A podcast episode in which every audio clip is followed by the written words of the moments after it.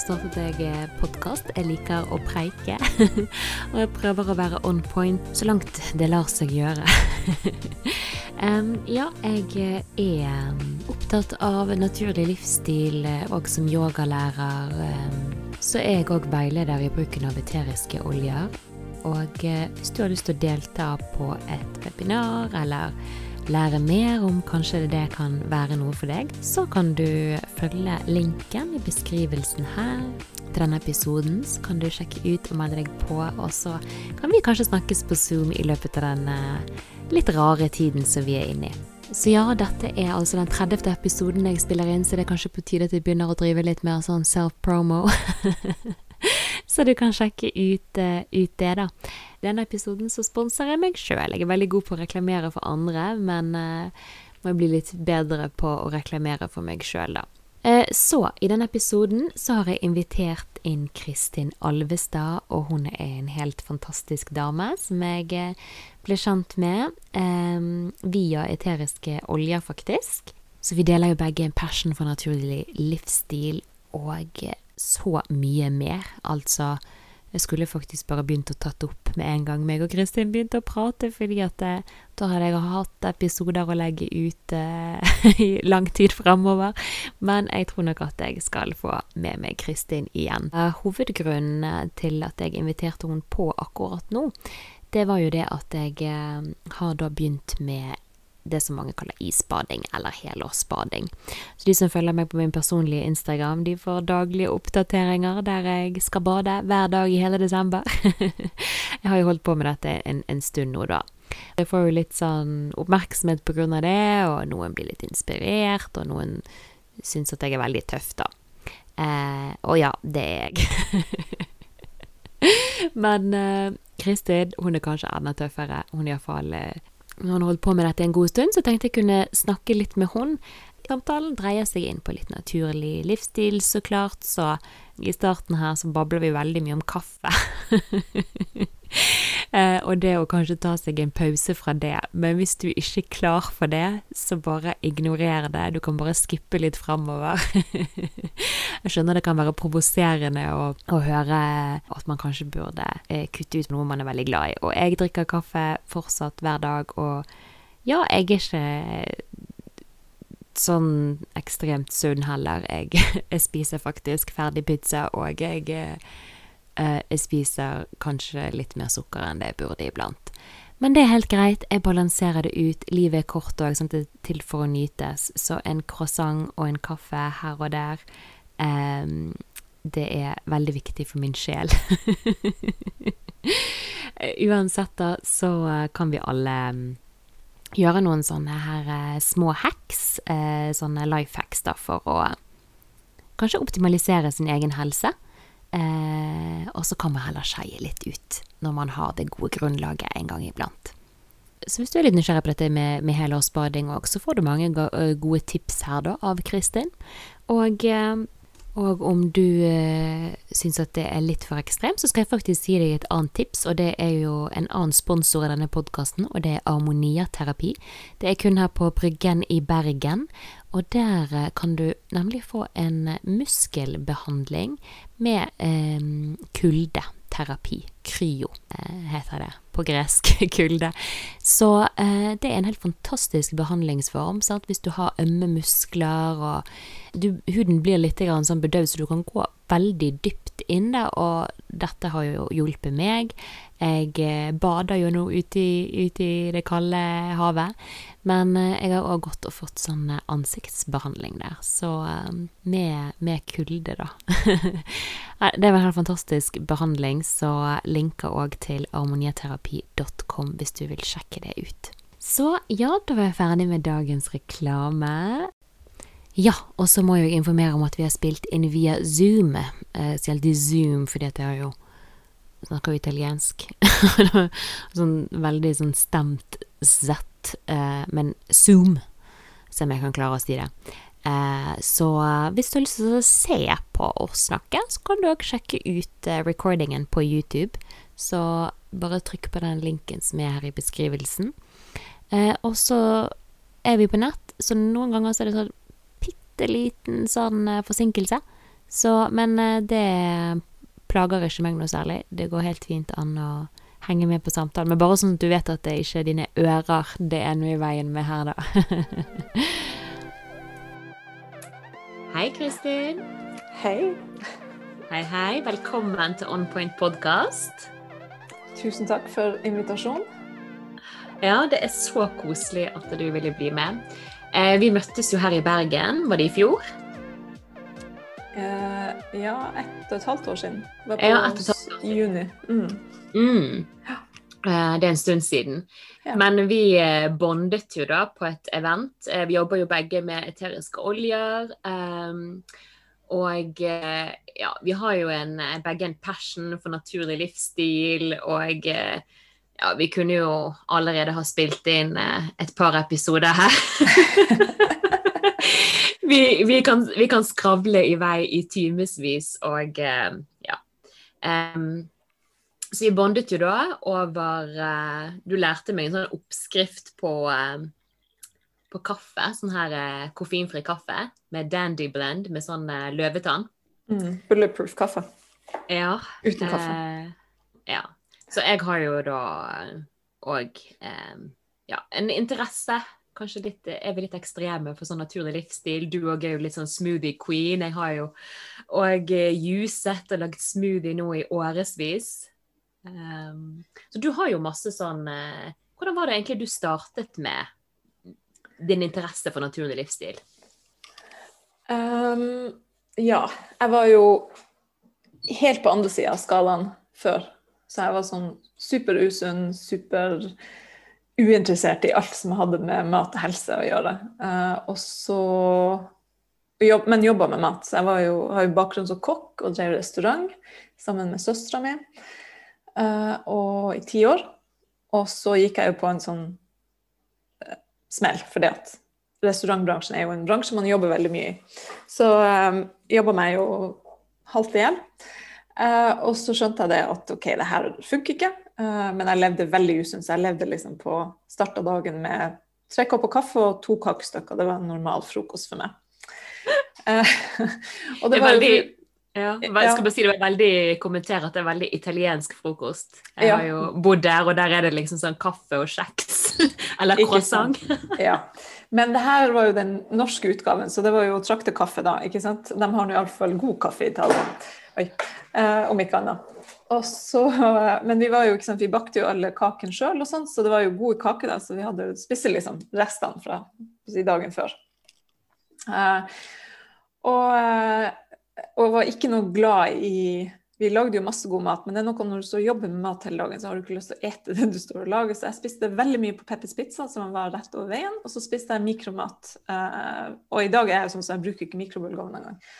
Så det var eh, Det var liksom det jeg levde av. Uh, og det eneste sunne i livet mitt da var det at vi brukte bladpersille som mye som garnityr på maten. Så vi hadde bestandig sånn stor sånn uh, si, bukett med bladpersille stående midt på anretningslinja. anretningslinja. Så den gikk man liksom hele tida bare plukka bare for å ha noe å tygge på. da. Så jeg spiste veldig mye bladpersille i de her årene, og det er jo veldig rensende. da. Så det, det var på en måte det eneste som bra, sunne, fine som kom inn i kroppen min i den perioden. Eh, og så skjønte jeg at noe var galt, og så solgte vi restauranten da i 2010. Så var jeg en eh, eh, Mannen min hadde var på jobb i Frankrike, i uh, Aix-en-Provence, i en måned på noen sånn opplæring på noen eh, kursing. da. Så jeg reiste, etter at jeg solgte restauranten, så reiste jeg dit igjen. da. Så jeg var der, da. Og da var jeg litt sånn OK, hva skal jeg gjøre? Jeg hadde meg for at jeg skal, jeg må finne ut noe som er riktig for meg, før jeg skal ikke bare gå tilbake til det samme. da. Eh, og så ramla jeg over en blogg med René Voltaire, som er svensk. Og hun prata om raw food. Og jeg bare sånn, hva er det her raw food for noe, da? Eh, og begynte å lese. Og så er det sånn blogg som hadde gått over flere år, og så satt jeg liksom og leste fra den nyeste bloggposten helt tilbake liksom flere år. Jeg ble helt sånn, jeg ble helt sugd inn i det. Og vi som begge to er prosjektorer, da vet jo hvordan det er å bli veldig sånn eh, Jeg må bare finne ut av alt det her, da. Så jeg gjorde det, og ble helt uh, hekta på det her konseptet med raw food. Og det var så mye som ramla på plass for meg, da. Og raw, raw food er jo da, um, for dere som ikke vet det, så er det uh, levende mat. Så det er jo mat som ikke varmebehandler over 42 grader, for da beholder du alle næringsstoffer, alle vitaminer og sånt. Uh, så per, per, i dag så eter jeg ikke så mye raw food, men jeg var veldig, gikk veldig all in da for det. Uh, og uh, har en mann da som er veldig som, som, på en måte bare spiser alt han får servert. da, Så det er veldig fint. Han har vært med på noen runder, både han og ungene. Mm. Eh, men da, men, uh, så da oppdaga jeg jo det her med For det her med sammenhengen mellom det du spiser, altså den energien du får i deg gjennom den maten du spiser, hvor viktig det er. Så ikke bare det med uh, næringsstoffer, men også det med at intensjonen bak det du faktisk et. Og det at hvis du står og lager mat når du er sint og dårlig humør, så, så, får du faktisk den energien i maten, og du da eter den energien. Du har ikke lyst til å ete sinne, ikke sant? Det er ikke noe særlig hyggelig. Ja, det er jo veldig viktig å være bevisst mm. på. Sant? Jeg som yogalærer òg snakker jo mye om intensjon. sant? Mm. Um, for din praksis, uh, og det er jo så on point og så viktig det du sier der, for alt det er energi. Folk tenker gjerne ikke over det, sant? men sant? de klærne du kjøper, uh, de, de, selskapene du en ring, ringvirkning, da, og den energetiske effekten kommer jo hjem til deg. og Eh, som min mor alltid, alltid sier, sant? lag mat med, med, kjærlighet er den viktigste ingrediensen. Ja. Og det får jeg trøste meg med, for jeg er, ikke, jeg er ikke så flink på å lage mat. Jeg har mine, jeg har mine perioder. Eh, mm. Og jeg òg har vært litt sånn som deg, litt på begge sider. Sant? Jeg har fått mye sunt eh, med meg hjemmefra, men så ja, eh, har vært litt sånn ekstrem. Jeg har jo alltid holdt på med mye forskjellig, som danser og eh, Spist veldig sunt, vært veldig fokusert på det, men òg eh, kanskje litt for, eh, litt for sunt og litt for eh, strengt. Og, og, og, så har jeg jo da bodd som jeg sa, i Italia, og der har jeg da det er jo hvetemel eh, i mm. hjemlandet til pasta og pizza. Så, og jeg som holdt meg unna dette her, da, gluten, det er jo litt sånn omdiskutert. Men eh, jeg fikk nå da eh, Hadde ikke noe valg. Skal man overleve, så må man bare Ja. Eh, jeg lurer på hvordan, altså, De har jo folk med cøliaki i Italia òg. Altså, hvordan, hvordan, klarer de seg? Vet du at uh, det er faktisk ekstremt gode tilbud for, for de med cøliaki i, okay. i, Italia. Masse restauranter og sånt, da. Så det var ikke det i mm. starten. Men uh, ja, de er ganske Ja, ikke alle. Det er jo sånn som her òg. Det er jo de som er veldig fokusert på helse, og de som ikke er det. Så man har jo begge, begge sider av skalaen, da. Men det er jo litt sånn interessant å høre folks historie. Sant? For hvis du kanskje følger deg på, på Instagram eller på Facebook sant? og ser at du står der med grønnkål og og kaffe uten, uten vin, sånn så tenker man ja, ja. I alle fall er det mange som gjør det, da. Mm. Ja. Jeg òg har jo vært som har drukket ekstremt mye kaffe. I starten av den der lockdown med korona, så, så, så, skal jeg si at jeg var litt coffee drunk. Mm. De aller fleste dagene. Mm. Men jeg har jo òg hatt sånne detoxer, da, sånn i forbindelse med yoga. Eh, har jo blitt eh, rådet å, kutte ut kaffe, da. Og det er veldig interessant. Altså koffein, eh, i det minste. Eh, hvor mye det påvirker deg, da. Ja, kaffe var jo noe av det første jeg kutta, for jeg var jo sånn som drakk mye kaffe. Jeg var sånn som tålte kaffe veldig godt og kunne, hadde ingen problem. Kunne drikke espresso før jeg la meg og sove som en stein. Ingen problem. Trodde. Det var, det, det var iallfall det jeg mente. Uh, og så når jeg kutta altså koffein helt sånn 100 og fikk det på en måte helt ut av systemet, for ikke bare liksom tre dager, men virkelig kutta det helt, så oppdaga jeg hvor sensitiv jeg faktisk er i forhold til koffein. Eh, så jeg er, kan ikke, eller bør helst ikke drikke kaffe etter klokka ett på formiddagen. Sånn tolv-ett. Da hvis um, jeg merker det uh, på kvelden. da. Jeg merker, og jeg, sånn som, jeg har ikke noe utgangspunkt og problem med søvn, men jeg merker det da hvis jeg har koffein i systemet. Men det er noe med at hvis du har døyva signalene fra kroppen over lengre tid, så, hø, så, så skjønner du ikke hva Så du, du, oppfatter ikke hva kroppen forteller. Så hvis jeg drikker veldig mye kaffe sånn jevnt og trutt, så døyver jeg de signalene igjen. Og da merker jeg ikke hvor mye påvirker jeg faktisk er av kaffe. Mm. Uh, ja. ja. Det er sant, for dette, alle har jo forskjellig, sånn som jeg har forstått det litt, da, at uh, ulik metabolisme på dette med kaffe òg. Og jeg òg er jo kjempesensitiv og, og, og, prøvde liksom å kutte ut sant, kaffe etter, eh, på sånn ettermiddagen. Men jeg kjenner det sjøl hvis jeg tar en kaffe på ettermiddagen, så selv om jeg er trøtt, så blir jeg helt sånn hyperaktiv, da. Mm. Så kaffe har vanligvis en sånn halveringstid, altså koffein har halveringstid på rundt åtte timer normalt. Så er det noen som har kjappere, og noen som har uh, saktere. Så noen er mer sensitive. Uh, så enkelte tåler koffein mye bedre. Men mange vet ikke om de tåler det eller ikke, fordi at uh, de klarer egentlig ikke å høre signalene fra kroppen fordi at de har døyva dem så lenge. Uh, og uh, i Norge har vi jo en, vi drikker jo enormt mye kaffe i Norge. Vi, det var bare finlenderne tror jeg, som drikker mer enn oss. Uh, og jeg vet jo bare sjøl liksom, Det er jo foreldre som drikker kaffe liksom sånn åtte-ni-tida på på kvelden. Jeg bare sånn Hvorfor Det er jo ikke Dere bør jo ikke drikke kaffe nå, men det er, bare, det er jo en sånn ting som man gjør her i Norge. Konjakk, mm. f.eks. Folk som drikker konjakk, så drikker man gjerne kaffe til uh, til konjakken, som også er en sånn her norsk særting. Som hvis du spør en, en franskmann f.eks., eller alle som ikke er norsk på, i en bar eller restaurant, om, når de ber om konjakk, så spør du vil du ha en kaffe til, så ser de jo dumt på deg med hvorfor skal du ha kaffe? Hva det har med saken å gjøre, liksom. Så vi har, noe mm. sånn rar, vi har rart forhold til kaffe. Eh, men det er faktisk eh, folk som røyker, bryter kaffen ned kjappere. Koffein så ikke, ikke at jeg er tilhenger av å røyke, men det, de, det, fakt, det, må være den eneste positive tingen med røyking, er det at koffein halveres kjappere hvis du røyker. Som er ingen grunn til å røyke av den, altså, på grunn av det, da. Men, eh, så ja.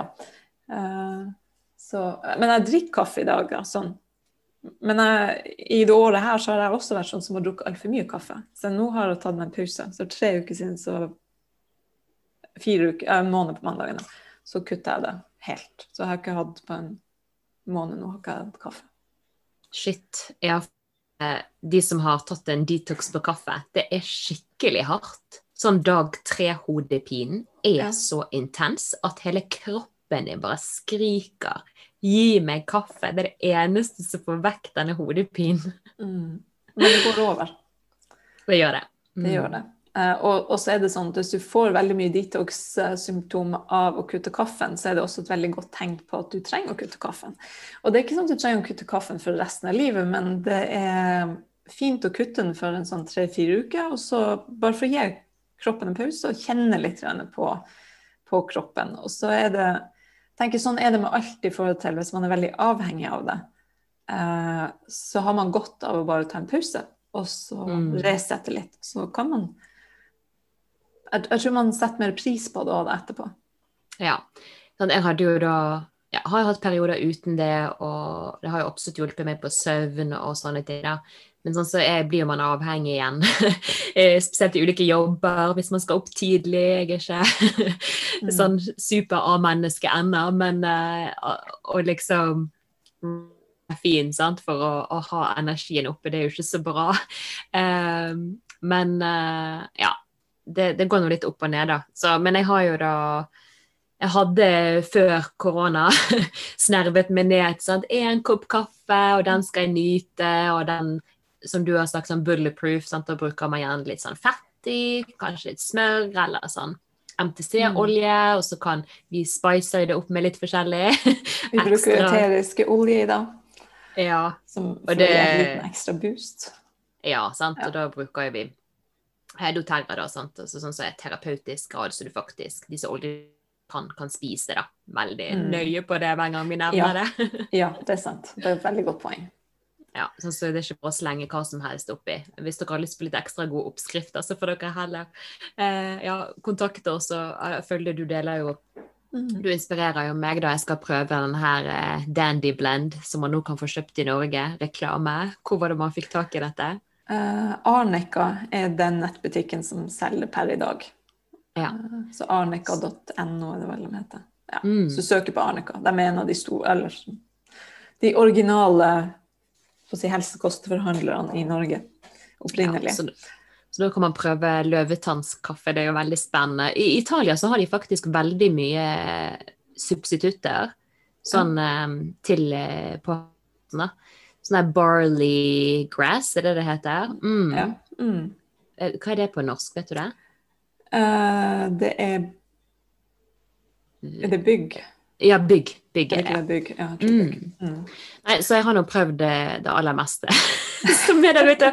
Og vi er kanskje litt sånn uh, ja, spesielt interessert, og som du nevnte, da så er vi begge projectors, og det er jo noe som vi har til felles, at uh, i human design, så for de som ikke har hørt om det, du snakker jo en del om det, jeg gjør det, jeg har det ute på bloggen min, uh, fordi jeg snakker og nevner det så ofte, så folk bare, «Ja, vis meg hvor jeg eh, skal gå inn og sjekke dette her.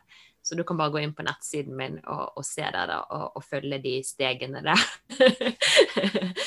og jeg håper jo òg at jeg kan ha fått prate om det her òg på, på podkasten. Jeg har noen gode ideer, så man kan eh, dykke litt enda dypere inn i det. Eh, så i, eh, i det systemet, i human design, så er vi da sånne som er ment for å være guider. Vi ser veldig dypt, bedre enn de ser seg sjøl. Så vi vet hvordan de kan bruke ressursene på, på den beste måten. Og så kan vi kanskje òg, sånn som vi gjør, da, veilede folk i forhold til naturlig livsstil, i forhold til å ta vare på seg sjøl. Vi har jo da òg kanskje vært på, som du sa, andre siden av skalaen. Vi har erfaringer fra, fra, an, fra den andre delen, ja, fra den andre sida av skalaen, òg, uten tvil. Ja, og det er jo litt sånn Jeg syns det er så deilig å få det litt sånn fram, for vi er alle menneskelige. Sant? Som jeg sa i sted, at man kan føle folk som bare Å nei, herregud. Eh, eh, hun er liksom altfor sunn for meg, eller hun er altfor ekstrem. For det som vi skal peile litt inn på etter hvert, er jo dette her med helårsbading, da.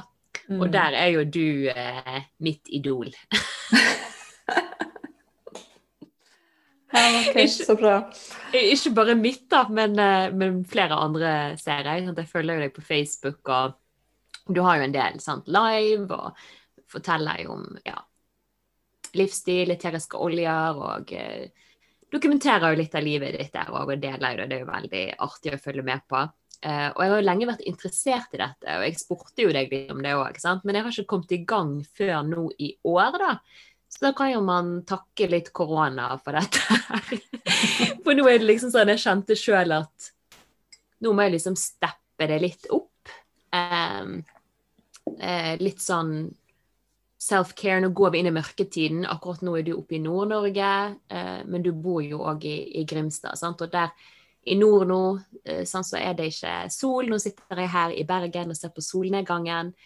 Men det er en utfordrende tid eh, med at vi ikke kan sosialisere like mye, reise. Og så går vi inn i denne tiden der nordmenn sliter litt mer òg, da. Mm. Litt sånn ekstra utfordrende. Ja. Um, bading er jo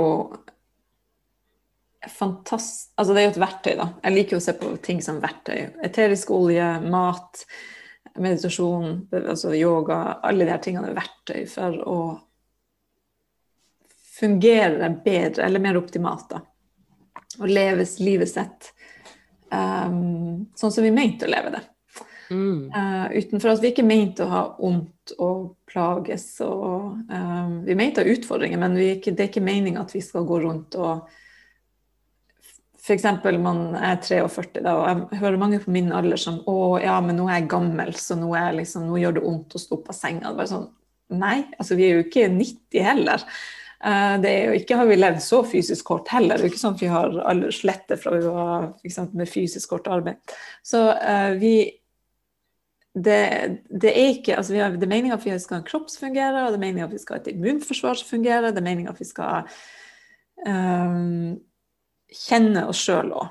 Uh, og bading er et Det er helt genialt. Det er noe av det mest uh, artige jeg har ja, eller kan gjøre og har oppdaga, da. Så litt sånn bakgrunn for meg sjøl er det at jeg er jo, jeg er jo fra Finnmark, da, fra Sørøya som ligger sørover på Sørøya, som ligger rett utenfor Hammerfest. Så det er jo vestkysten av Finnmark, omtrent så langt nord du kommer.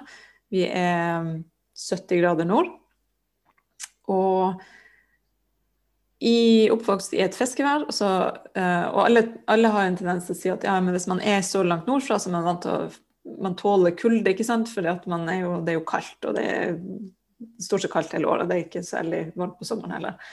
Uh, men jeg er sånn ordentlig sånn her uh, frysepinne som ikke liker kulde, og som pakker meg inn i lag på lag på lag, som bruker uh, lester, altså ullsokker og skjeff hele året, og bestandig har en lett dunjakke tilgjengelig uansett nesten når på året det er. Bare sånn just in case. Det kan jo hende det blir kaldt. Man vet aldri. Uh, og har ikke Vi bada jo når vi var små, men jeg hadde ikke bada i Norge på ja, 25 år eller noe sånt da jeg starta. Eh, selv i Grimstad, og Grimstad er jo Der er det varmt på sommeren. altså i Sør-Norge er det jo det. Det blir jo varmt, og det blir jo faktisk varmt i vannet òg, da. Det kan jo bikke over 20 grader der, da. Uh, men jeg syns ikke det var noe særlig. Jeg har ikke, aldri syntes det har vært varmt nok i Norge, så jeg har ikke bada. Um, og det er ikke for at jeg ikke jeg har ikke noe problem med vann, så jeg har bakgrunn som svømmer, så jeg um, ikke redd for vann eller noe sånt. Uh, men det er bare sånn åh, kaldt. Uh, og så begynte jeg å høre om han Wim Hoff, en sånn nederlender som er veldig spesiell i forhold til det her med isbading og pusteteknikker, og hvordan det kunne være bra for oss, det utsetter oss for kulde. Eh, og så begynte jeg å lese meg opp på det, og så ble det litt sånn oi, oi, oi, det her er jo faktisk veldig lurt for oss eh, å utsette oss for kulde. Vi trenger, kroppen trenger um, Så vi lever Vi har kjempevarme hus. Vi kan gå med T-skjorte inne selv om det er på vinteren i Norge, for vi har billig energi. Så vi fyrer, og vi har triple vinduer og alle disse tingene. Vi kler på oss eh, store dunjakker, så går vi ut i en bil som er varm i, og så fraktes vi rundt omkring. Så vi, det utsettes for veldig lite kulde selv om vi bor i et kaldt klima uh, store deler av året. Og så, så vi blir aldri kalde, egentlig veldig sjelden unger blir det. Og når vi var små, så var man ute og lekte, ikke sant? og da ble man jo kald. Men da var det liksom bare det, var, det gjorde jo ingenting. Man ble jo varm igjen. Um, så det som skjer, så vi, vi mister litt av evnen til å gjøre det kroppen skal i forhold til regulering, eh, og klare å bli varm igjen når vi blir kalde. Så det med å blodårene skal lukke seg og åpne seg kjapt i forhold til hvordan temperaturen er. Uh, så på en måte vi blir litt lat. altså sånn kroppsfunksjonene våre blir litt lat fordi at de brukes ikke. Uh, og han her Wim Hoff han hadde veldig mye gode ting. Uh, og der er det, det er leger og uh, Der er forska mye på han, og sånt, så han har gjort mye rart. Uh, veldig, men veldig fascinerende. Han er jo veldig spesiell, men han er jo han er utrolig kul. da. Men jeg, ikke, jeg hadde ikke lyst til å begynne å bade, for det er jo så kaldt. men jeg visste at det var bra. Og så omtrent samtidig så begynte mannen min å se også på det her. da, Han bare 'oi, det her er jo kjempekult, det må jeg begynne med'. Så han begynte å, isba, han begynte å bade. da. Så jeg var sånn som i et par år så bare sto og tok bilde ut av han og bare sånn Dere er gale. Det her er ikke normalt til plass. Og så hadde han når jeg fylte 40, så hadde jeg bestemt meg for Jeg skrev opp 40 ting i løpet av året jeg fylte 40, som jeg skulle da gjøre Uh, så eldre var målet mitt. Og en av de tingene var å bade i sjøen. Og det var ikke noe om hva tid, det var bare bade i sjøen. Jeg har bursdag i april. Uh, eh, 29. april. Så i november, nei, slutten av oktober, så gikk det opp for meg at oi, uh, jeg er nødt til å bade nå hvis jeg skal rekke det. For at april er det, ikke, jo ikke begynt å bli varmt igjen. Altså Hvis jeg skal rekke det før neste bursdag, da. Så da var jeg sånn Oi, oi, oi, jeg må faktisk begynne. Jeg må bade nå. Så, uh, så jeg bare OK, jeg blir med på ett bad. Så jeg ble med på ett bad, og så var jeg litt sånn opp, Og det var sånn type åtte sekunder eller noe sånt holdt jeg ut. Det var ikke lenge. Uh, og uh, så, så, ble jeg litt sånn OK, jeg, jeg skal lære meg det her, da. Hvis jeg skal lære meg, så må jeg knekke koden, og da må jeg bade hver dag over en lengre periode. Så utgangspunktet var liksom ei uke, og så forandra det til en måned sammenhengende. Uh, det må man ikke gjøre, men det er bare jeg liker å gjøre ting sånn. da, Så det er ikke noe, sånt, det er ikke noe must. Men, jeg, men, det er veldig fint å bade flere ganger på rad når du først skal starte, bare for å venne deg til det. Så jeg gikk da fra første dagen åtte sekunder, og vi filma alt å begynne med, nemlig. Så vi hadde veldig sånn uh, Der ligger faktisk et sånn klipp da, hvor du ser de her progresjonen. Så jeg gikk fra Og vi teller tida fra når du, vi går ut, for vi hopper ikke ut. Så vi går ut, og så når du setter deg ned når du er vant til skuldrene, så er det liksom det er da klokka tikker, da. Uh, og åtte sekunder første gangen, dagen til jeg tror jeg klarte åtte minutter eller noe sånt på dag seks. Uh, nå var det tolv grader i vannet, så det var ikke sånn superkaldt. Uh, men det var bare sånn her Det var så vilt. og på dag fem så var det sånn Jeg gleder meg til i morgen tidlig, jeg skal gå og bade. Så, så det var et eller annet som skjedde, og jeg ble helt sånn hooked på det. Og jeg var den siste i verden jeg hadde trodd noen gang skulle like det. Jeg hadde tenkt det, eller jeg visste at OK, det her er bra for meg. Det kan Jeg vet alle fordelene med det, men jeg kommer ikke til å like det. Det er bare en av de tingene jeg kan gjøre for det. Jeg kan tvinge meg til å gjøre det fordi jeg vet det er bra for meg. Eh, jeg hadde aldri trodd at jeg skulle bli Syns det var helt fantastisk. Uh, og det er, det er, noe med å være i naturen. Saltvann er helt fantastisk. Sjøen, havet, bevegelsene, kreftene som er i, i, i havet. Uh, og hvis man liker for eksempel, hvis du liker tanken på jording og det å stå sant, i gresset og det å jorde det, så er det jo den er jo ekstremvarianten når du står faktisk og dekker av vann. Uh, så det er, og det kjenner, det, det kjenner, du sikkert til, og den følelsen av å bare være i det elementet og virkelig bare kjenne på, på, på kreftene i det. Um, mm. Og det er sånn nullstilling på en måte, samtidig som du bare skrur på alle cellene i kroppen. Så, uh, og alle kan gjøre det. Ja, det er en sånn uh, helt uh, ekstrem form for ja, meditasjon eller Ja. Det mm. er, det er jo litt sånn spennende å høre på deg når du sier at du hadde aldri trodd at du skulle være en sånn person som skulle bli hekta på dette. Altså sånn i forhold til liksom naturlig livsstil, at du kom ifra eh, kaffe og kake. Ja. og så det er det så spesielt tilfelle òg med at du var liksom svømmer og, og, alle disse tingene. Derfor. De er jo sånn som gjerne liksom hiver seg ut. Og, og jeg har jo kanskje vært litt sånn eh, ja, hva skal man si, litt eh, viking på den måten. At, eh, at, eh, at jeg alltid har starta både tidlig, sant, i mars, april, alltid liksom et tidlig sånn, vårbad, og gjerne badet helt ut i oktober og, og, og sånt. Men jeg, er jo litt sånn pinglete om sommeren òg av og til. Sant? At det er kaldt, og jeg vil liksom ikke hoppe uti. Jeg er litt sånn selvpiner eh. Men Um, ja, uh, som du snakket om med, med jording, da. Um, jeg er jo litt sånn airy-fairy. og litt sånn lufttegn og vata i ayurveda, for de som kjenner til det. sant? Mm. Uh, vi er inne på mye forskjellig her. Hvis det er noe vi nevner så du ikke ja. forstår, bare spør, holdt jeg på å si. Hvis du er vata, vata, så skal du jo Du skal jo være mye i vann. Du skal jo helst stå i vann ja. for, å, for, å, balansere det. Ja, sant? Det er jo dette her med, med luftelementet, sant? og det blir veldig ute av balanse for meg når jeg er ute og flyr og reiser. Så en sånn typisk ja. sånn vata-aktivitet vi liker. og å, å, snakke og være oppe i luften og fly rundt fra det ene til det andre, være kreativ, så kjenner jeg det der at nå når verden er i veldig kaos, det er mye som skjer, sant? så trenger jeg mer jording. Og det er ikke nok for meg å gå ut eh, og, og, og, stå på, på gresset. Altså at du prøver å være så mye som mulig i naturen. Sant? Um, og nullstille deg. Sant? Det er jo veldig helbredende for, for kroppen, da, det vet jo vi òg. Bare intuitivt, men òg med forskning, selvfølgelig. Så jeg tenkte sånn Å, jeg føler at jeg må grave meg ned. Så da Nå bor jeg jo da ganske nærmt eh, sjøen, så da har jeg mulighet til å liksom gå ned. Det er ingen eh, kø eller eh, masse folk på badeplassen nå. sånn som om sommeren. Det kan jo bli litt sånn travelt. Men eh, det er liksom bare et par stykk. Jeg har sett noen andre helårsbadere. Eh, og eh, du får den roen og den freden, og så eh, Ja, jeg bestemte meg bare for å gjøre dette her.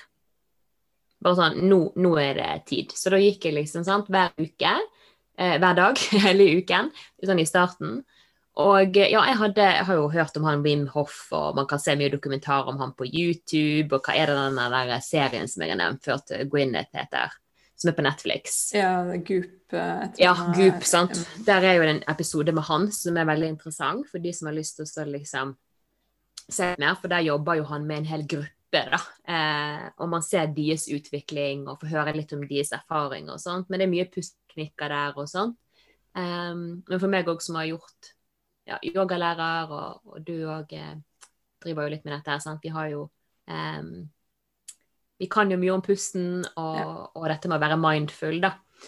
Så uh, når man eh, da går ut Altså, det er en jeg har nevnt dette før i tidligere podkaster. At det her med å, å, lære seg meditasjon og yoga og disse teknikkene, det, det er ting som, som, kan ta litt tid. Det er ting også som vi gjør naturlig, men det er òg det er òg prosesser, sant. det er òg tungt på, på, samme måte som styrketrening, så er det muskler som skal bygges opp. Så dette her med faktisk ta en kald dusj, da, eller å utsette seg sjøl for dette, som du sa, eh, det er litt mer ukomfortable. Det gjør at vi bare sånn naturlig blir brakt rett inn i den tilstanden som du gjerne ellers må øve deg opp på, da. Ja, og du kan jo òg Sånn personlig så er jeg ikke så veldig glad i kalde dusjer. Jeg gjør det litt, jeg begynte å gjøre det litt nå, da, men, men uh,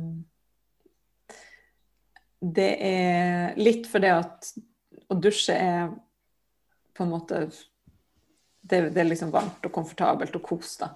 Så, uh, så derfor har jeg valgt å ikke fokusere så mye på den, men også for at jeg har lyst til å bruke naturen. altså på samme mm. måte som jeg, jeg har en uh, daglig rutine, eller eh, på ukedagene, da, at jeg tar en joggetur på morgenen.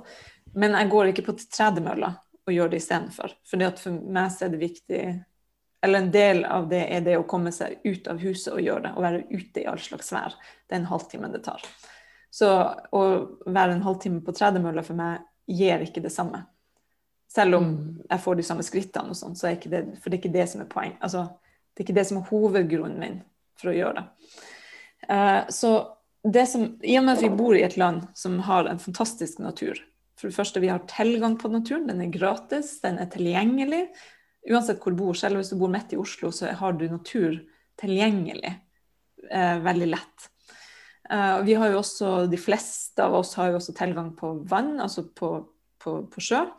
Eh, hvis du bor sånn at du ikke har det, da, så hvis du bor lenger inn i landet, så kan du, hvis du har sne, så kan du Du kan selvfølgelig også bruke et, eh, et sånt altså vann, da, sånn et innlandsvann. Men eh, eh du kan sne, f.eks. Hvis du har sne, så kan du sette deg ut i sneen i bikini eller badedrakt, og så kan du sitte og puste der.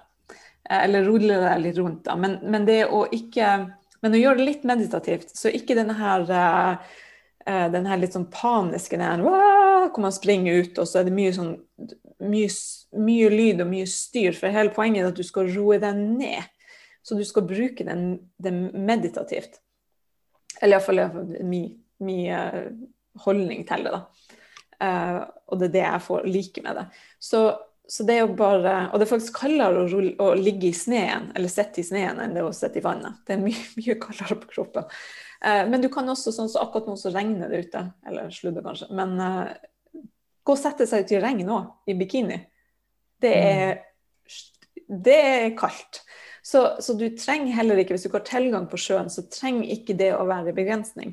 Men du kan Altså hele Norge i dag, altså i, i denne perioden, er kaldt ute. Så uansett hvor så lenge du går ut av døra, hvis du har på deg bikini eller badedrakt, så er det kaldt.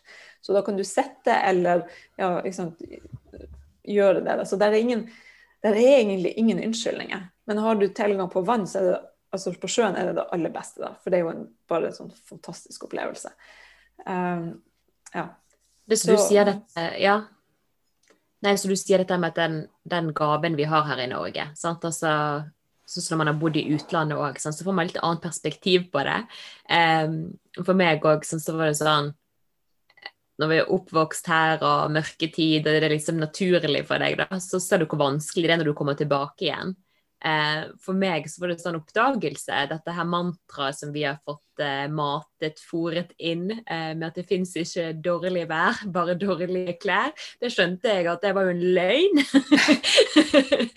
sånn, så det å komme tilbake her, da, så sier jeg må ja, benytte seg av det. Som, liksom, vi får det gratis, vi har det rundt oss, vi, vi tar det kanskje litt for gitt. da. Um, så det å faktisk bruke det sånn som du sa, jeg har jo òg løpt ut i undertøy og lagt meg og rullet rundt i, i snøen når jeg har vært sånn i innlandet og sånt. Det er jo veldig, veldig kult. Uh, men nå, da, å uh, ja, gå ut i sjøen, så har jo jeg begynt å, å Jeg går jo alene, da. Eh, og så gjør jeg sånn som deg, at jeg dokumenterer litt eh, når jeg gjør det. Og det er jo litt sånn eh, jeg vet ikke, Kanskje for min egen del òg, og Så har jeg, har jeg, delt dette her. da, Det begynner jeg å få, må få litt sånn kommentarer og oppmerksomhet på hvor tøff du er, eller så kult. og og, og, faktisk når jeg ser tilbake på videoen, så tenker jeg shit, altså, nå er, nå er jeg tøff.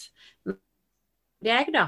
Det var kanskje et par dager siden, der du oppe i nord eh, dukket under med hodet.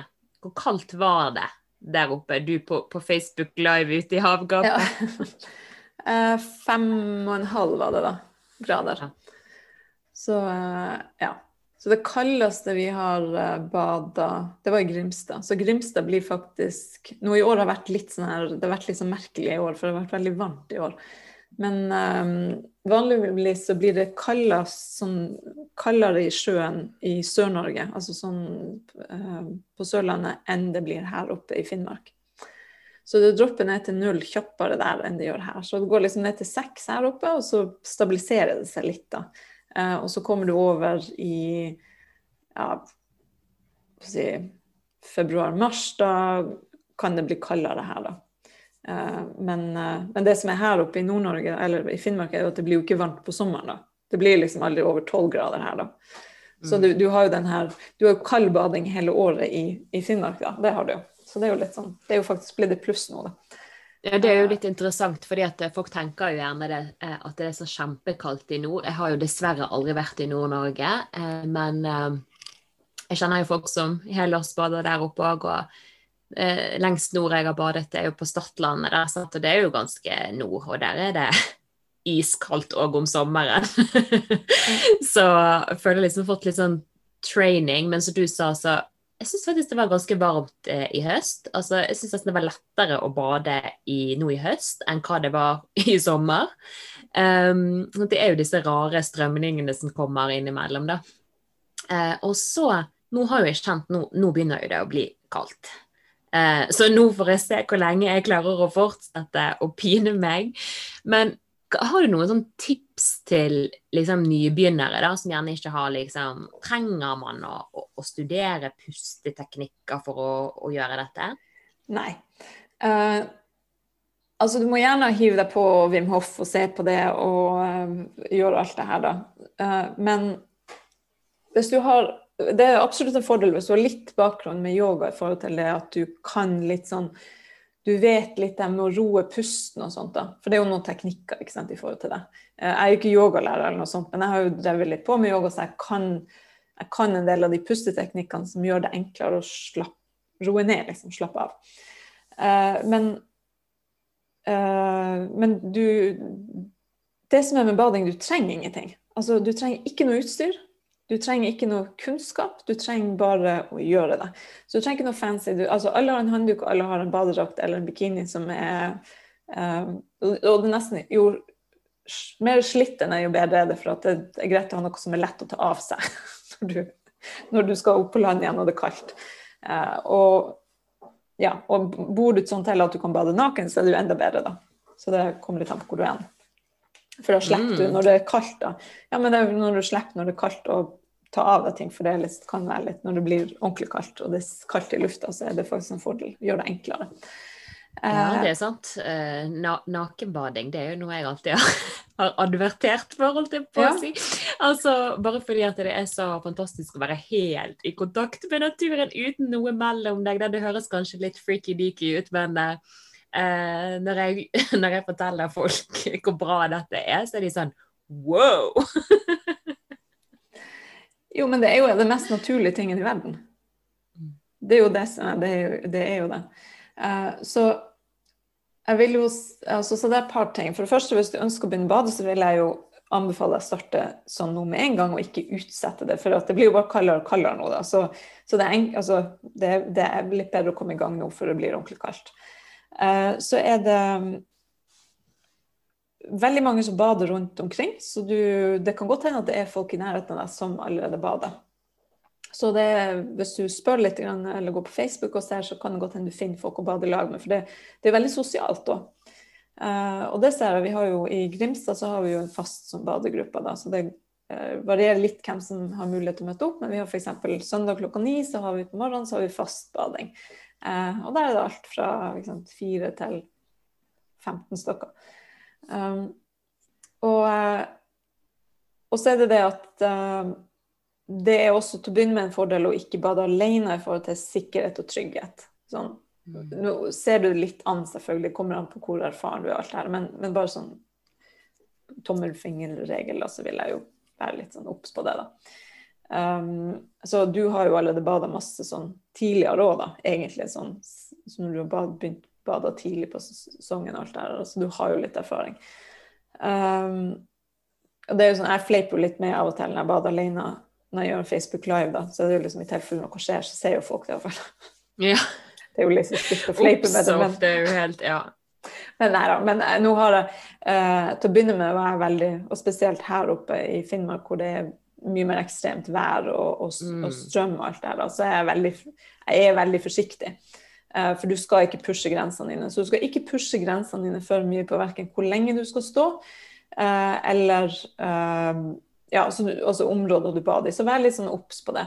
Men ikke, ikke, la det begrense deg likevel. Altså, det er fortsatt mulig å bade, men bare vær litt sånn, ha respekt for naturen. Det er jo viktig. Ja. Og det er jo noe som jeg absolutt har. Eh, mm. Fordi at eh, her er jeg bada nå som jeg bor, så jeg har jo hatt litt sånn, føler jeg, en sånn nær drukningsulykke da jeg var liten.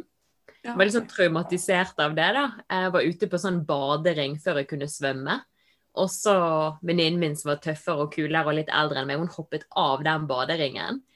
Så den flippet rundt, og så hang jeg veldig lenge under vann, langt ute. og det var liksom sånn en evighet for meg. Og først så kjempet jeg på en måte mot og fikk panikk, men så lå jeg liksom bare helt rolig. Ja, ja, ja, for nå, jeg hadde jo ingen vei å komme meg ut. Eh, så kom jo hun venninnen min og, plukket meg opp igjen, da. Men liksom, jeg har jo det minnet. Så da jeg kom tilbake her til den badeplassen og skal ut og bade, så virkelig måtte face mine følelser.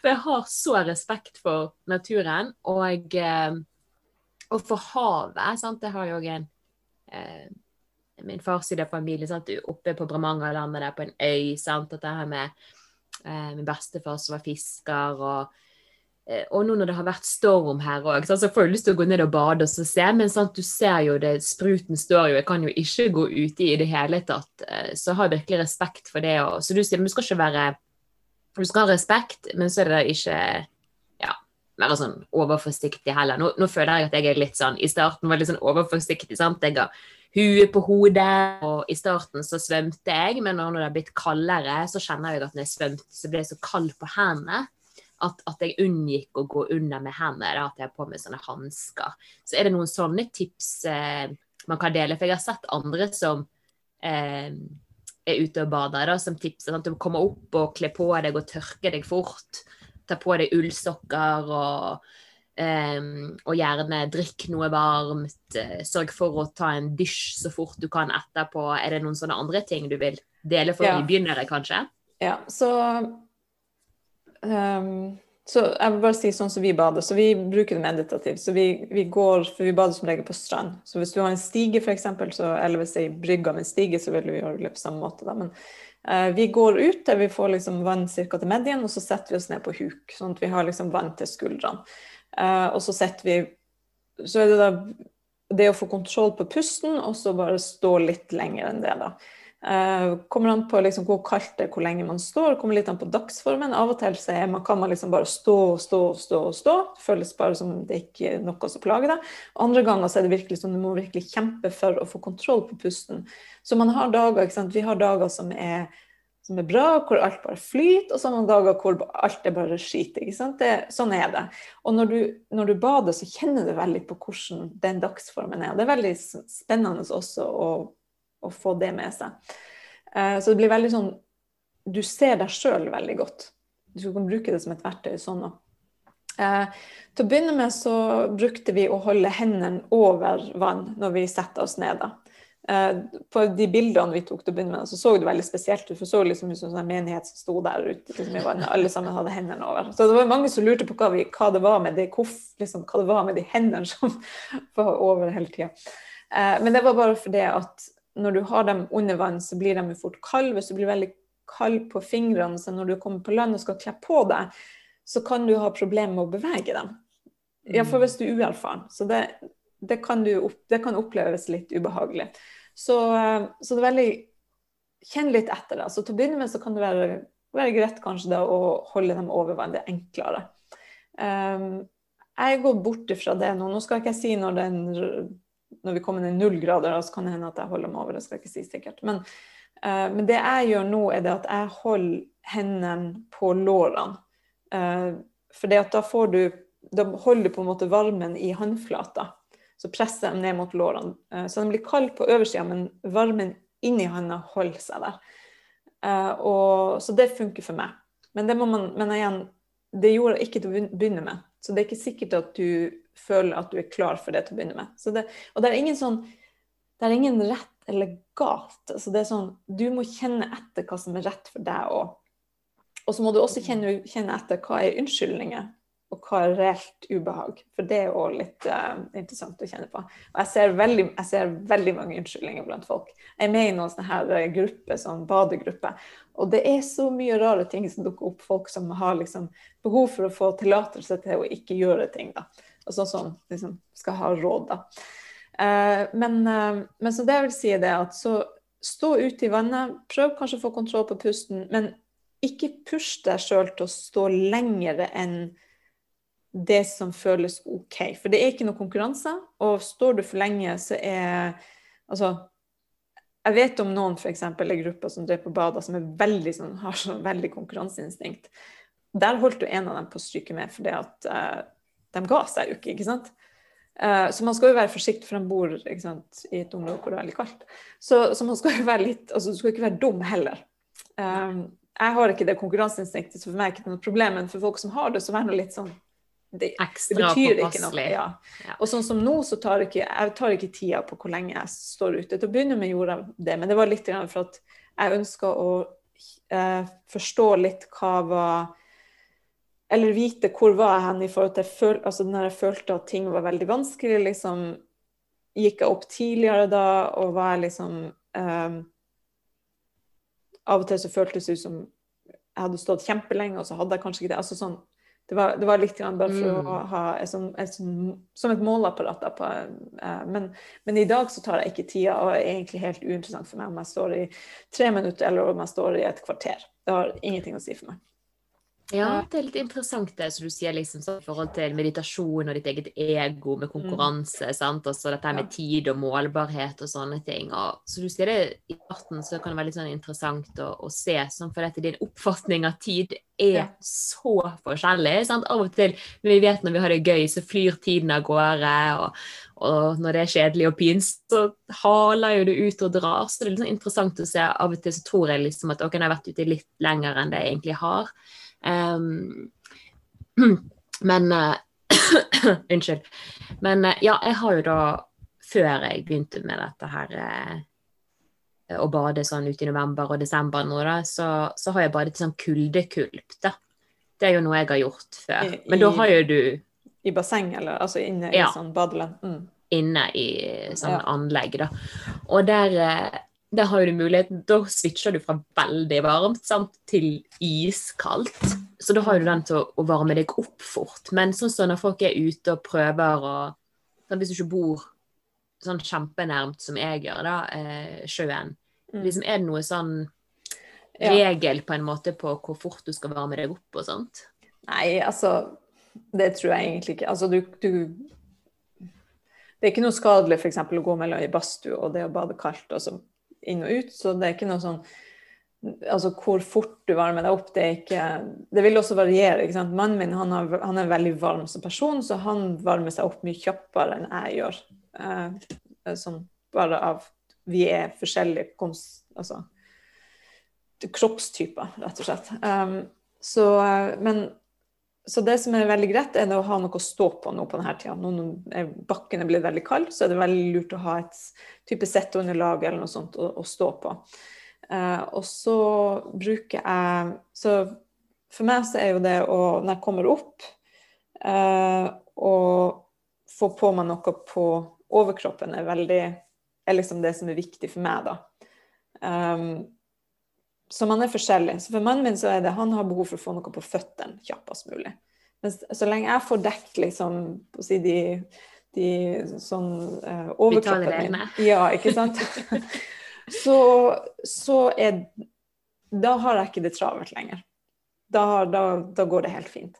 Uh, og jeg tåler sånn som nå. Ikke sant? Nå har jeg bada i tre år. Og jeg tåler mye, mye mye mer i dag. Altså tåler å stå mye lengre i Altså uten å kle på meg klær uh, enn det jeg Mm. gjorde før. Så jeg har en helt annen sånn, toleranse for det. Uh, så, så, og det er noe du trener opp. Uh, det er noe du trener opp både med at kroppen um, henter seg innkjøpere, men også mentalt. Så vet du at kroppen er OK. Så, så det, altså det å tørke deg og, og ha løse, store klær Så det at hvis du har veldig sånn trange klær, sånn tights og sånne ting, så er det veldig vanskelig å få det på seg når du er våt og kald. Så det å ha, på seg liksom, ha mulighet til å dra på seg store, løse klær er absolutt en fordel. Eh, og hendene og fotene er, og tærne er du garantert veldig kald på. Så hvis du klarer, hvis du har varme, gode sko å kle på deg, så er det også, gjør det mye enklere. Da. Um, og um, ja, og jeg er jo sånn Jeg, jeg, jeg dukker hodet under også, stort sett hver gang. Um, og nå har jeg ikke så langt hår, men når jeg hadde mye lengre hår, så var det viktig for meg også å få Altså ha en egen handduk til å surre opp håret, bare for at du blir veldig Altså det ligger liksom et sånn, sånn kaldt skjold på hodet. da. Ja, ja, ja. Det er derfor derfor jeg har på meg lue, og ikke grunna med håret. Ja, så, Men så lenge du har tid etterpå ikke sant, til faktisk, og at du kommer inn og at det blir tørka, så er ikke det noe problem. Uh, og så får du det saltvannshåret hele året, vet du, så det, det er veldig sånn Mm, Ja. Det var jo et eh, kanskje frister meg litt. Ikke sant? Men jo, apropos det med, med saltvann, altså. Det er jo så bra Mm. eh, mot eh, liksom stress. Altså, du, du dukker jo under med hodet, da nevnte jo dette her med sånn i yoga da, så bruker man sånn nett i pott til å rense ut her bak i bihulene og i nesen. Eh, Og det, det, det er jo sånn Altså, jeg har merka veldig godt um, i Altså, jeg har merka det veldig godt på mitt eget immunforsvar, min egen helse, etter at jeg begynte å bade. Og da er det kulde, og så er det det at jeg skjøller nesen med saltvann hver gang jeg bader. Altså det, og det her er mine teorier, da. Eh, og så er det òg et par andre ting jeg har gjort, da, men det er blant annet ei eterisk olje jeg bruker veldig mye da. Og det er noe med jeg vet min his, altså jeg har vanligvis blitt liksom type forkjølt to-tre ganger i året, sånn vanlig standard, sånn som alle. Eh, og jeg har ikke vært det nå på litt over tre år. mm. Eh, og de tre tingene jeg har gjort annerledes, er liksom en uh, det, det er liksom de som er blitt en veldig sånn hyppig brukt, da. Og jeg har aldri vært Ja. sånn som sånn nettipotter hvor du skjøller nesen. Jeg syns de er helt forferdelige å bruke. Altså, sånn, jeg har aldri klart å få til å gjøre det sånn eller, altså i, når du skal gjøre det liksom hjemme, da. Men det å bare eh, dra inn saltvann når jeg står i sjøen, det har jeg ingen problem med. Eh, så det gjør jeg. Så det, det, det gjør jeg. Det er bare liksom dra inn og blåse ut. Og gjøre det et par ganger. Eh, og da får du skjølt slimhinnene med saltvann, som er veldig gunstig. Eh, og, og det er ikke sånn altså, Det handler ikke om å kurere ting, men det handler om å rense ut skit, rett og slett. Sant, og det er jo dette her vi snakker om nå. Altså, det er mye fokus på ja, eh, altså, sant, Det er jo bare naturlige hacks, eh, sant, life hacks mm. på engelsk, sant, som man, vi liker å bruke. da, eh, Som mm. plugger seg på naturen og jording og sånne ting. så Det er bare å styrke immunforsvaret. Er sant, altså, Eh, så det er ikke sånn vi sier at vi skal kurere alt mulig, sant? men det er jo det med å, å bygge seg sjøl opp, da. Det er jo alltid, alltid en god ting. Så det er litt sånn dårlig der å begynne på skippertaksmetoden. ja. Og så er det jo det, for det, det handler om å støtte opp om kroppen sin, sine naturlige funksjoner. ikke sant? Men måten vi lever på i dag um, for, enten så forhindrer det kroppen å gjøre det den faktisk skal, eller så jobber det imot. Uh, og det er litt Så, så det, det, handler jo om å bare rett og slett jobbe med kroppen sånn som den skal fungere. Mm. Samme som detox, f.eks. Det er mange som er skeptiske til detox, for at kroppen detoxer seg sjøl. Jo, jo, den gjør jo det, men Men så lever vi på en måte som gjør det at den har problemer med å kvitte seg med avfallsstoffer den har skilt ut, f.eks. Eller så er det sånn at våre detox-funksjoner var jo ikke skapt for å håndtere de miljøgiftene vi har per i dag. ikke sant? For at siste, ja, de siste 80 årene eller noe sånt, så har vi jo fått helt hinsides mange eh, giftstoffer inn i vår hverdag som ikke eksisterte før. Så, mm. Eh, og våres eh, altså, våre kropper sånn som de funker, de har jo funka sånn siden starten. Så, så, vi har jo ikke forandra oss eh, sånn sett som mennesker.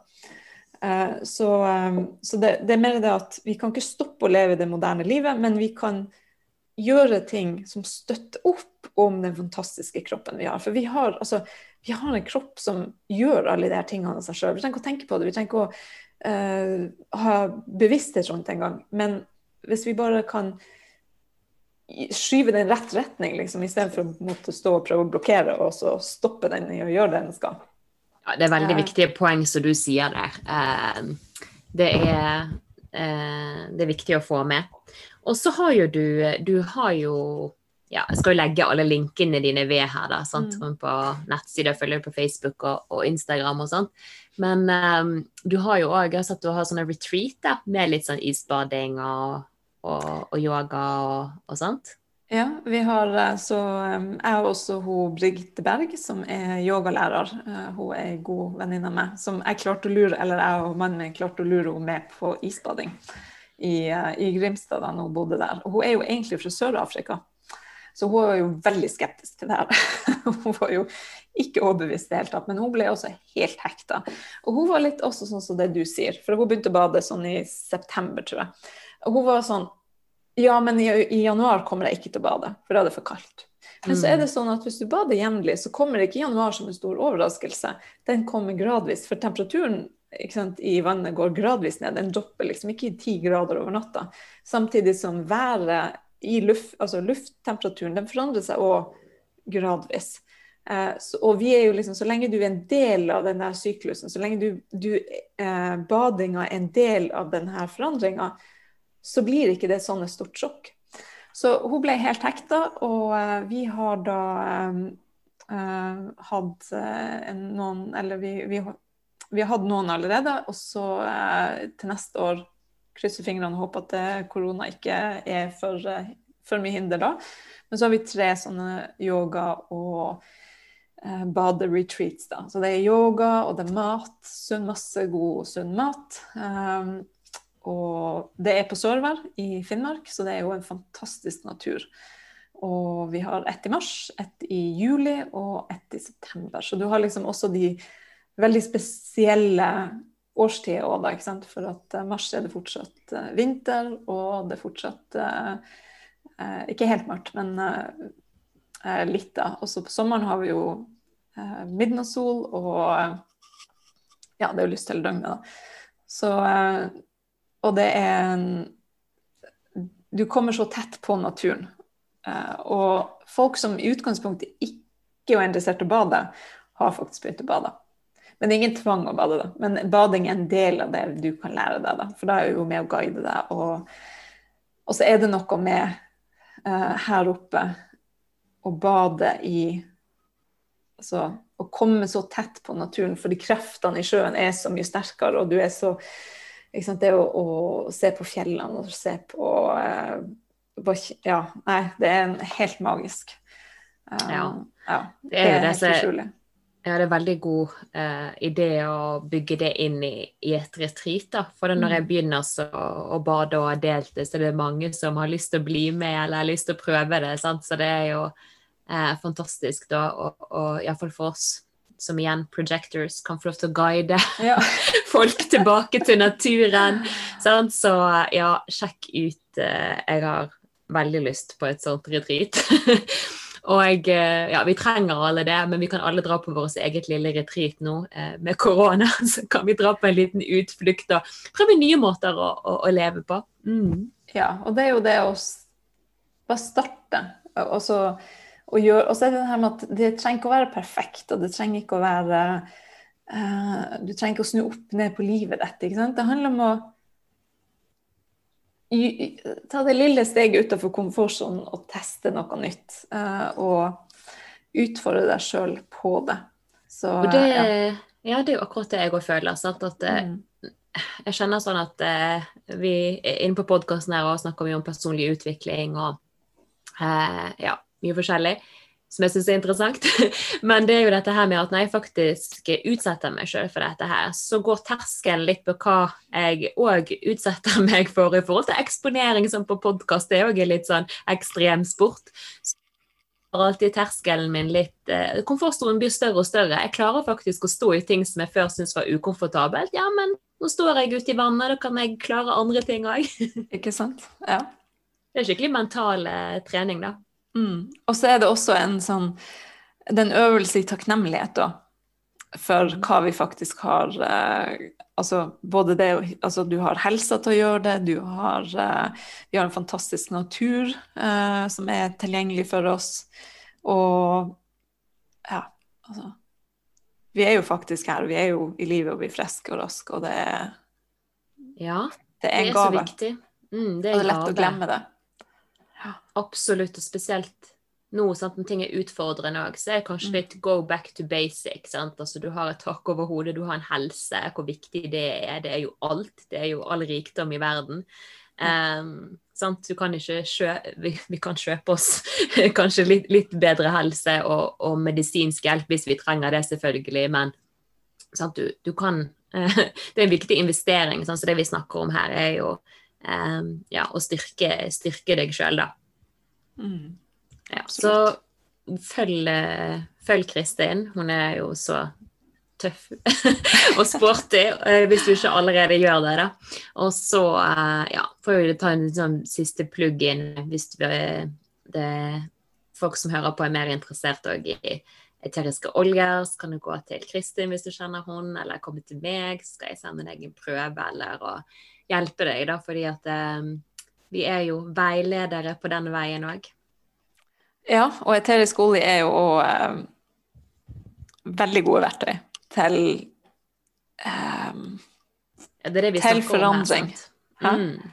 Ja, det er det vi snakker om her, sånn som du sa, verktøy, Og iallfall nå for din støtte, sant. Eh, kan snakke om eh, eh, kan gjerne ikke snakke om eh, fysiske plager, men for meg så er det dette med det emosjonelle òg, sånn som du mm. sier i disse tider, men òg for å støtte deg til, til utvikling, personlig utvikling.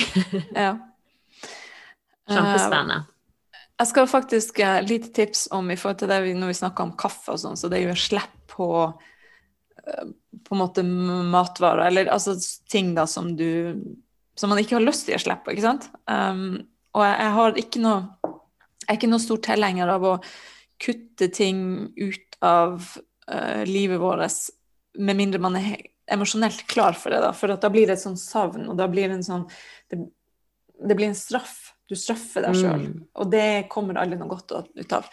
Uh, så alle de, de, forandringene jeg har gjort sjøl, så har det vært veldig sånn bas, altså det, det, er gjort av kjærlighet til meg sjøl. Eh, men den kan ikke tvinges fram. Den må, være, den må komme av seg sjøl. Uh, og ei olje som har veldig god effekt er Sendocrine. Så Sendocrine. Den der er mm. for dere som er på YouTube. Så det er jo en sånn detox-olje som hjelper kroppen på en måte å detox. Det er en sånn oljeblend. Så uh, den er helt fantastisk. To dråper i drikkevannet ditt hver dag. Uh, til å begynne med syns jeg ikke den smakte så godt, da, for å være helt ærlig. Men uh, så går det en liten stund, og så blir du veldig glad i den. da. Så jeg har det i, i drikkeflaska mi, så har jeg to dråper om dagen. Trenger ikke noe mer. Uh, og den Mm. hjelper så Rent sånn fysisk så hjelper støtten detox-prosessene, men emosjonelt, og det var ikke jeg klar over. Jeg begynte egentlig å bruke den for at jeg skulle jo lære meg å like smaken. da. Uh, og så var det tilfeldig at jeg slo opp i den boka, den Essential Emotions, som er en av våre favorittbøker, ikke sant? fordi at det går på det emosjonelle på eterisk olje. Og der sto det ram, sånn, Tilfeldig slo jeg opp der, da. Ingenting er tilfeldig, da. Men uh, Sendercreen hjelper emosjonelt i forhold til å støtte overganger. Så det å forandre altså beliefs, så det med altså mønster, tankemønster rundt ting. Og det er jo slipp på ting. Og det er jo alt det her handler om. ikke sant? Så det er jo Mm. kaffe, f.eks. Det er jo for at du har, du har et eh, eh, du har et tankemønster om at det er en belønning, eller at det er noe du trenger for å liksom starte dagen, for å gi deg den energien du trenger. Det er kanskje en altså For meg så var kaffe veldig sånn det var noe når jeg kunne, på jobb kunne sette meg ned, hadde to minutter til å sette meg ned, Mm. så var det det liksom. Det var egentlig ikke nødvendigvis å drikke, men bare sitte og lukte på kaffen for kunne bestemme meg rakk å drikke den en gang. Men det var på en måte, det var for meg en sånn åh, det var en sånn her åh, det var så godt. Det var kaffe for meg, emosjonelt i årevis etterpå. Det er den pausen, pausen, sant? Det er den hellige pausen. Ja, ikke Mm. sant. Jeg følte liksom at nå hadde jeg noe, og spesielt for oss som prosjektorer som jobber mer enn vi burde gjøre, uh, så var- er det veldig viktig. Så, men denne olja her er helt, helt fantastisk. Um, det er akkurat det. Å bryte en del av de her mønstrene. Så dem, tips, hot tips. Send the cream. Så hvis ikke du har den, all, hvis du Mm. ikke har den allerede, så kan altså for, dere, for deg som hører på, som ikke er medlem av Dotera, uh, så kan du jo bestille den gjennom Iselin. Og så får du hjelp av henne til hvordan du skal bruke den. Mm. Ja, for det er kjempesmart. Det er ikke alle som er så klar over den magiske virkningen på at man faktisk kan eh, gjøre det på å gi slipp på ting, og som du sier, iallfall i disse dager, store emosjonelle omveltninger. sant? Ja. Eh, det er overveldende for oss, for meg òg. sant? Eh, alltid med overganger i livet og endringer, så for meg eh, så hjelper jo det mye. Støtter meg hver dag, men eh, tar det til neste nivå nå med å stige ut i havet. Så nå skal jeg eh, når det går, så skal jeg ta og hoppe ut i sjøen her, for vi har sittet og snakket sammen ganske lenge i hele dag. Det ble Så- eh, noen timer ekstra, ja. Men det var Ja. veldig hyggelig. Så det hyggelig. gjerne igjen. Mm. Ja, for å invitere deg tilbake. Ja. Og så skal du òg starte din egen podkast. Ja, eh, det er jo utenfor min komfortsone, da. Så det er noe jeg har tenkt på lenge og egentlig prata om ganske lenge, men ikke klart å eh, komme meg til å gjøre det. Men det er kanskje Ja, på tide nå. Eh, nå er det på tide. Nå starter Lille vi. spark tilbake. Jeg tror faktisk vi prata om det når, jeg, når vi møttes i Bergen da, for halvannet år siden. Og så starta du på høsten etter, da. Du Ja. kom i gang med det. Ja. Så du var flink. Du gjorde det. Du gjorde det. Du bare gjorde det. Jeg bare gjorde det. Det er bare det. Det er, bare det. Det, er alltid, det, eh, det sier et sånn saying på italiensk det, eh, det tøffeste er når du har startet, klarer ikke å si det skikkelig på norsk, så har du allerede gjort halve jobben. Det tøffeste er starten. Så det er bare å begynne, og det er akkurat sånn med, med bading òg. Det, det er kanskje litt Mm. lettere å begynne før det blir kjempekaldt. Så bare hopp uti og, og pust dypt. Det går bra. Absolutt. Tusen takk for uh, i dag, og så tusen takk for denne gang. Så snakkes vi snart igjen. Sjøl takk. Ha det. Ha det. Ciao, ciao.